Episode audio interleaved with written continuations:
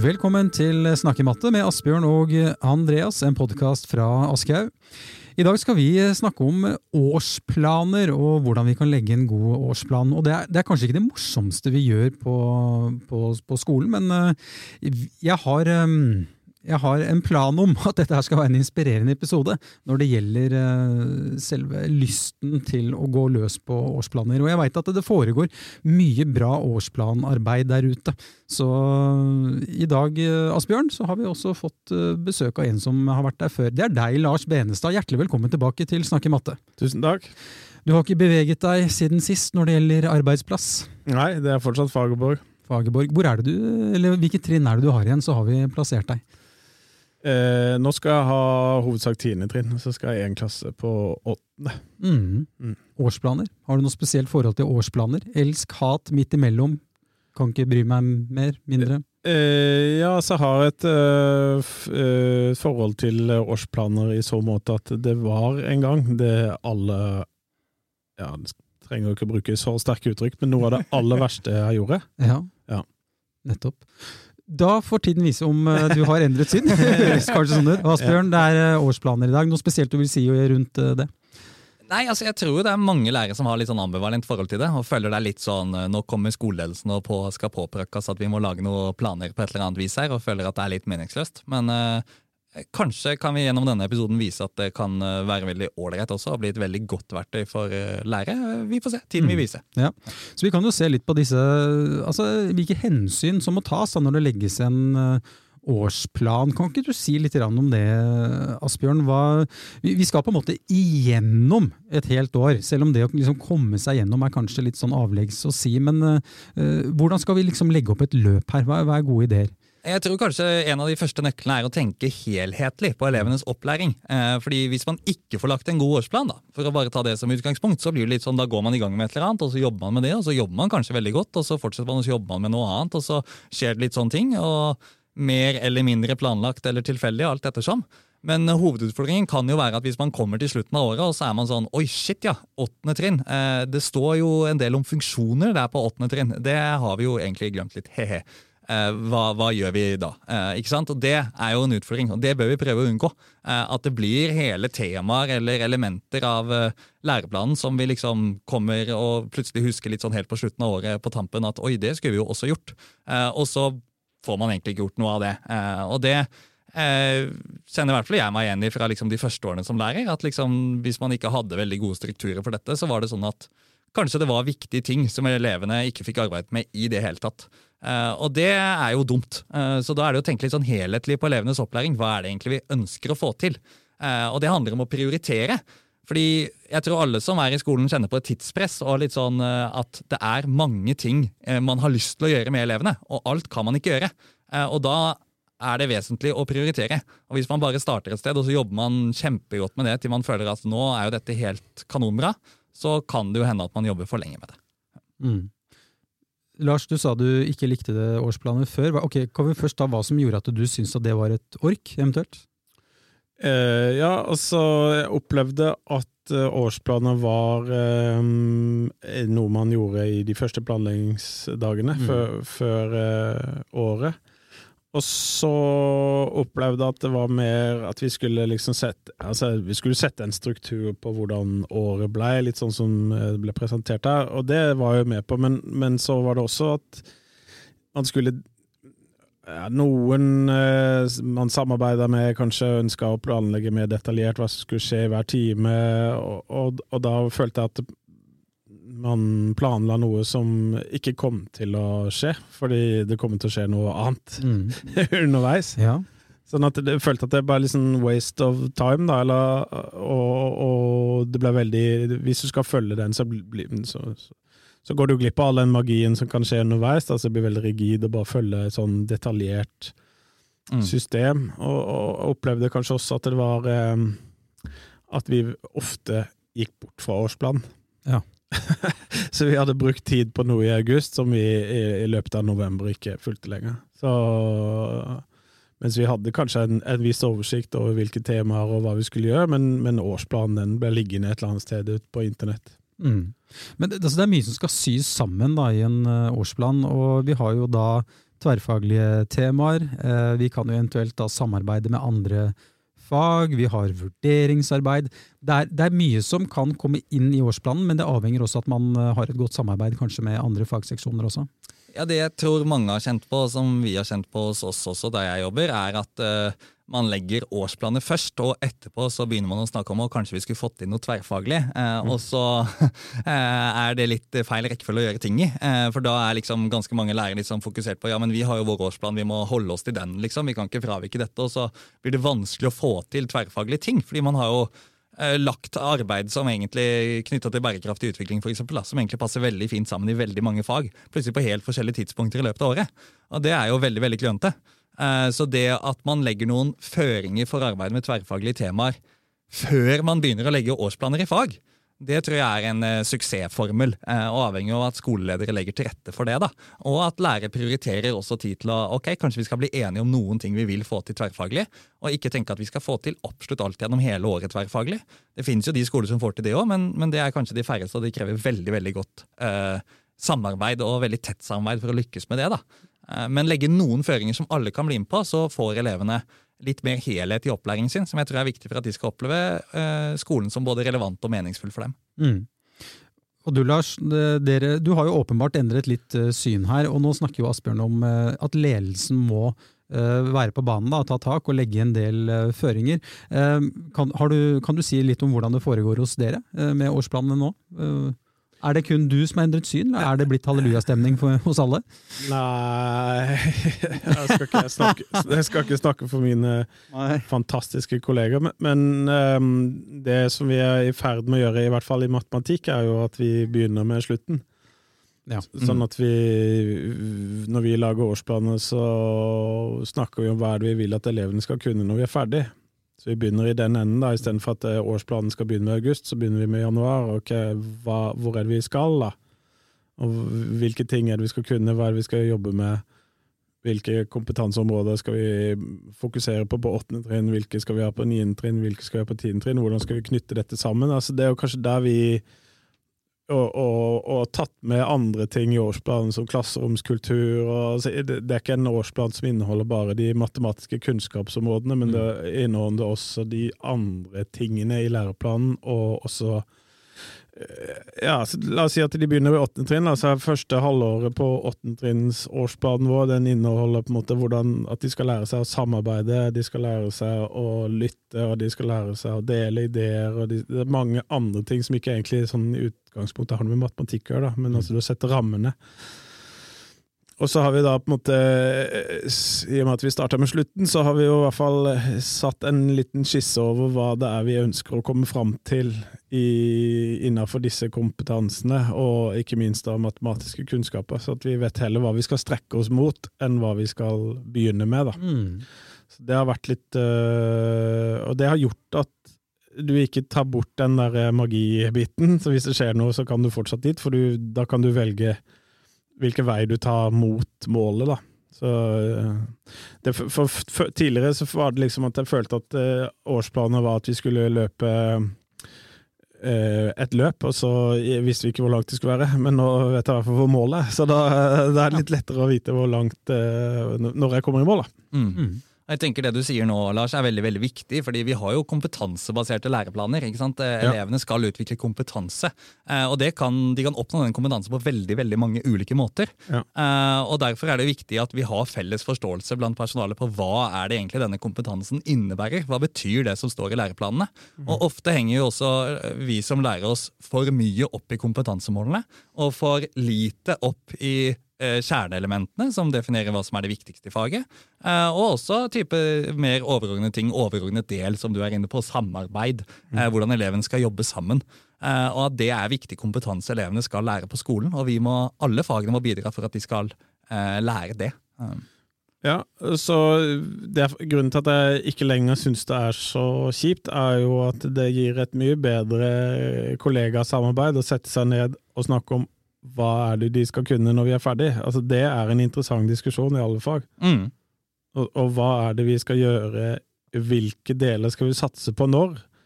og ta den i fellesskap og diskutere det med hverandre. Vi gjorde det samme i naturfag nå rett før sommeren. Det var en kjempespennende fagdiskusjon i, i oss imellom. Hva er det de skal kunne? Mm. Og, og, så kan man begynne å, å, å underveis i løpet av halvåret hvordan skal vi komme oss dit? Det, det syns jeg jo ikke er rett at man skal gjøre i august, men vi vet hvor vi skal. Og Det som er kult med det, er at den diskusjonen kan man ta Eh, år etter år og hele tiden få noe nytt ut av den diskusjonen. Fordi, ja. Uansett hvor mange ganger man har diskutert eh, hva er det egentlig elevene skal lære, så kommer det nesten alltid noe, noe nytt eh, og noen ny meningsfull innsikt ut av mm. å ta den samtalen. Og man utvikler profesjonsfellesskapet, og man øker kompetansen blant personalet gjennom å ha den type samtaler. Så eh, jeg deler veldig den oppfatningen. Ja, det, jo, vil, det, kalles vel baklengs planlegging, på en måte. Og, det, og, den, og, hvis man begynner litt med det med årsplaner, så er det jo lettere å begynne med baklengs planlegging i time etter time, eller periode etter periode også. At du, du liksom du begynner med slutten når du skal planlegge en time også. Det er ikke så, det er ikke så dumt. Det er ikke det. Og vurdering også inni dette. ikke sant? Fordi Vi har jo snakket om i tidligere episoder at man mm. ikke nødvendigvis trenger å ha eh, prøver eller spesifikke vurderingssituasjoner for å vurdere elevenes kompetanse. Eh, men det betyr jo ikke at vi ikke bør forholde oss til vurdering eller tenke på vurdering eh, når vi også legger årsplaner. Jeg tror det er veldig veldig klokt å ha noen, noen tanker om hvordan skal vi legge til rette for at vi får fanget opp elevenes kompetanse. Hva må vi vektlegge underveis? Hva må vi være ekstra oppmerksom på i ulike typer timer? For eksempel er det eh, kanskje spesielt viktig å legge merke til utforskingskompetanse når elevene jobber med større utforskende oppgaver, og at man er bevisst som lærer at oi, denne timen må jeg være ekstra obs på det. For det er en av de jeg, eh, mulighetene jeg har til virkelig å fange opp den type kompetansen hos elevene. Og så må man selvfølgelig ikke lage en årsplan som blir så rigid at uh, elever må bli vurdert på den og den måten. For vi må jo åpne opp for at elever kan vurderes på ulikt vis, avhengig av uh, hvilken måte som passer dem å vise frem kompetanse på. Ja, Med fare for å gjenta meg sjøl, altså. Eh, eh, jeg er enig i det du sier der, men, men, eh, hvis du er en lærer som har lyst til å gå bort ifra prøver som eneste vurderingsform, på en måte, mm. så er det jo enda viktigere å starte med slutten. Altså, mm. for Hvordan skal du vurdere underveis og helhetlig, hvis ikke du egentlig helt vet er blitt enig med både kollegaer og deg selv og, og elever om hva dere skal vurdere, så blir det eh, en umulig jobb. Ja, det blir veldig veldig vanskelig, og så går det liksom du, ja. fire måneder, og så har du egentlig ikke fått med deg kanskje lagt merke til da, hva, hva, elevene kan, og så føler du at du må ha den prøven likevel. Ja. ja. Og så tror jeg det er lettere for elevene å henge med på en sånn type årsplan enn den mer tradisjonelle som vi eh, ikke likte. Eh, for den, den, blir på en måte bare et papir for dem. Jeg tror kanskje elevene sjøl har mer utbytte av en eh, baklengs planlagt årsplan. Vil det da si at dere involverer elevene i årsplanen, eller i hvert fall de får, de får se den? Det er ikke et hemmelig dokument? Er, du stiller et utrolig godt spørsmål der, fordi eh, vi har jo vært i en eh, prosess i matteseksjonen på Fagerborg over tid. sånn at det, eh, dette har jo um, um, Vi har jo jobba litt med den underveis, denne årsplanen, men planen er i hvert fall at den som er på åttende trinn nå, er så god at vi kan vise på en måte hva det er vi skal vurdere de etter, og hva vi skal gjøre, og hva vi skal hva de skal lære seg, da. Mm. Mm. Og da er jo det innenfor både klasseromskultur og kjerneelementer og matematiske kunnskaper. Jeg likte det med klasseromskultur jeg, inn i mm. årsplanen. Den er litt ny for meg, egentlig. Eh, mm. Det er ikke en av våre bolker eh, på Nei. skolen vår, rett og slett. Eh. Men, men, det er jo også fordi at det er vår, vårt satsingsområde på åttende trinn. Ja. Vi har jo senka ned matematikken. Så vi har jo startet på åttende trinn med, med ganske enkel matte. Mm. Fordi vi skal få de inn i systemene. Mm. Sånn at hvis de møter både et nytt system og vanskelig matte, så vil det bli to for vanskelige ting på en gang. Mm. Så hvis vi gjør matten lett, så kan vi lage rammene, eh, de nye rammene for de lettere, da. Mm. Mm. Asbjørn, hos dere på, på Marikollen, detaljerte progresjonsplaner. Ja, dette er litt gøy, fordi det jeg skal si nå kan jo ved første øyekast virke som en slags motsetning mellom det vi har sagt fram til nå i episoden, eh, ikke sant? som egentlig det stikk motsatte. Men jeg vil hevde at det ikke er det. da. Eh, og Vi lager noe som vi kaller detaljerte progresjonsplaner, eh, som er eh, bare innad blant lærerne. Vi har en årsplan som er ut mot elevene, som er veldig sånn i tråd med det vi har snakket om nå. Baklengs planlegging og tenke vurdering hele veien, og hva er det eleven skal sitte igjen med. Men så har vi også detaljerte progresjonsplaner som er for lærerne. Og hovedpoenget med det er egentlig eh, å tenke at i stedet for at vi planlegger én og én time framover, så planlegger vi mange økter på én gang i sammenheng. For det effektiviserer planleggingen blant lærerne og sørger for bedre helhet og sammenheng i opplæringa. Det er liksom hovedbudskapet. Og vi er så detaljerte at vi i de detaljerte progresjonsplanene våre skriver time for time hvor mange minutter omtrent vi ser for oss å bruke på ulike elementer. Og så betyr jo det ikke at vi gjør det sånn faktisk i klasserommet. Fordi ikke sant, Der er det jo magien som Lars snakker om. ikke sant? Den, vi må jo gripe fatt i den magien som oppstår. Men vi mener at ved å ha lagt disse detaljerte progresjonsplanene, hvor vi har liksom minutt for minutt i ganske mange av øktene hva er det vi skal gjøre, så har vi mye bedre mulighet til å, når den magien er der da, og oppstår, å avgjøre hvor mye tid kan jeg egentlig bruke på denne magien her. Fordi eh, Når man tar tak i noe og velger å følge et eller annet spor, så går det jo utover et eller annet. Eh, og det å ha et bevisst forhold til hva er det jeg nå må nedprioritere, og er det verdt det? Når det er kjempemagi, da, hvis vi kaller det det, så er det jo alltid verdt det. Mm. Men noen ganger er det jo bare sånn litt magisk, eh, og kanskje er det sånn Nei, den lille magien der, den, den har vi faktisk ikke tid til akkurat nå. Nå må vi prioritere noen andre ting. At man får gjennom dette et slags virkemiddel for å hjelpe lærerne å prioritere hele tiden det som på en måte blir viktigst eh, for elevenes helhetlige opplæring og utviklingen av, eh, av kompetanse. Ja. Ja, Det er jo fordelen med å jobbe på ungdomsskolen, da, at uh, du har bare to fag. Uh, sånn ja. at du har mulighet til å møte kollegaer jevnlig i faget ditt og lage disse progresjonsplanene. Så jeg vet ikke, jeg har lyst til å skyte ballen over til barneskolelærer med mm. allmennlærer med mange fag, og, ja, ja. og, og, fryktelig mange undervisningstimer. Mm. Hvordan uh, hvordan går, hvordan går, det? Ja, hvordan går det? Og, det, altså, og jeg husker jo, du, du, snakket så vidt om dette her i våres, mener jeg husker. Og dere samla dere, dere eh, hjemme hos noen, til og med, tror jeg, og, og ordna disse planene. Og jeg må jo bare si at for meg, for min del, da, som gjerne har fire, fem, opptil seks fag, da, så, så syns jeg jo det er vanskelig å skulle både motivere meg og finne tid til eh, denne måten å jobbe på. Eh, jeg husker at du argumenterte jo for at det egentlig bruker man mindre tid. Ja, det stemmer det. Sånn sett under ett. Det, det er i hvert fall så, vår opplevelse, da. Ja. Eh, fordi eh, Hvis jeg tenker min arbeidstid som lærer, ikke sant, så kan man jo velge å jobbe all den arbeidstiden innenfor de 38 ukene elevene er på skolen. Eller man kan jo velge som lærer å bruke noe tid utenom det. Og vi bestemte oss jo ganske raskt at vi tar en lørdag Eh, det var det vi gjorde. Vi satte av åtte timer, alle tre mattelærerne som hadde åttende trinn. Og var jo da heldige vi var nå tre mattelærere som hadde på en måte familiesituasjoner og alt som gjorde at det var fullt mulig å gjøre. da. Eh, men vi investerte de timene, og altså det har spart oss for så mye tid. Mm. For da lina vi opp eh, masse detaljerte progresjonsplaner, og så lina vi opp Eh, powerpointer, som ikke er bare sånn gjennomgang av fagstoff og sånn kjedelig 'nå skal læreren vise ting', men mer sånn eh, fin visualisering av oppgavene elevene skal jobbe med utforskende eh, i løpet av klasserommet. Eh, ulike oppsummeringer, eleveksempler, ulike typer ting vi samla opp og lina opp klart, liksom. Som gjør at vi eh, time til time-planlegginga sparte vi veldig mye tid på. Og så er det en kjempefallgruve med å gjøre dette, og det er at man mister elevinvolvering hvis man ikke er bevisst på at det er en fallgruve. Sånn at man passer på å involvere elevene og justere planer eh, i tråd med litt hva elevene ønsker og, og trenger. Ja.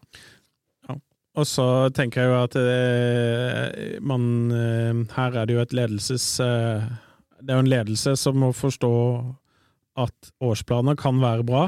Mm. Eh, hvis hvis ledelsen også skjønner hvordan en årsplan blir bra, og så setter av tid, og, og, og bør i en, en, skoleleder bør også vite nok om hva en årsplan er, og hva den kan brukes til, mm. før du ber lærerne om å lage de. Mm. For ellers så, ellers, så, ellers så, blir det sånn som jeg opplevde det for ti år siden, at, at jeg, jeg, bare fikk en lag årsplan, punktum. Men jeg, jeg mener jo helt oppriktig at en skoleleder bør ha kompetanse nok i seg selv til å vite at den bør være baklengs, og det bør inneholde så og så mye, sånn at du gir en spesifikk oppgave til hvordan de årsplanene skal se ut, og så må du gi masse tid til det. Ja, mm. masse tid, og husk eh, arbeid med tverrfaglige temaer. Og hvis man skal ha det som satsingsområde på skolen, legg nå for all del noen tverrfaglige føringer først, før man begynner å legge de konkrete ja. årsplanene i alle fagene, så man mm. kan planlegge det etter noen felles retningslinjer. Mm. Ja. Vi kan jo si det sånn, Asbjørn. Du er fortsatt, eh, du er fortsatt mattelærer. Jeg er fortsatt Du er fortsatt mattelærer, og du har matte, men du har jo også blitt avdelingsleder. Så du sitter jo nå i ledelse også. Jeg gjør det nå. Da. Ja. Fikk han pepper nå med en gang. Ja, ja, ja, ja, ja. ja, ja, men det var, så, det, var, dette, det var en veldig fin måte å spille deg opp på det på. For dette, nå, må, kan jo du, nå sitter du med den på makten på en måte da, ut mot eh, personalet og kan påvirke og ja, legge disse årsplanene på en god måte. da, Eller få dem. Få læreren til å legge dem på en god måte. Jeg gjør det, og jeg håper at jeg skal klare å forvalte det ansvaret på, på best mulig vis. Og jeg gleder meg til å ta fatt på oppgavene. Det blir veldig kjekt. Mm. Skal vi si det sånn at dette her får være det om eh, årsplaner? Skal vi, det viktigste, Asbjørn? Aller viktigste med årsplaner? Hvis du først skal gjøre det, så gjør det ordentlig. Og begynn på slutten. Og begynn på slutten. Kjempebra. Tusen takk, Lars, for at du kom til Snakk Snakke matte nok en gang. Det er alltid like hyggelig å ha deg her. Eh, Det er alltid like hyggelig å høre om Start og Ja, det gule laget Start. Og Ja. så får du jo diskutert litt med de som jobber her også i studio, for vi er jo Lillestrøm-land. Ja. Det er også gult, men det er jo noe helt annet. Det er noe helt annet. Mm. Yes, takk for at du kom, og takk for at dere lyttet til Snakkematte. Vi høres om 14 dager.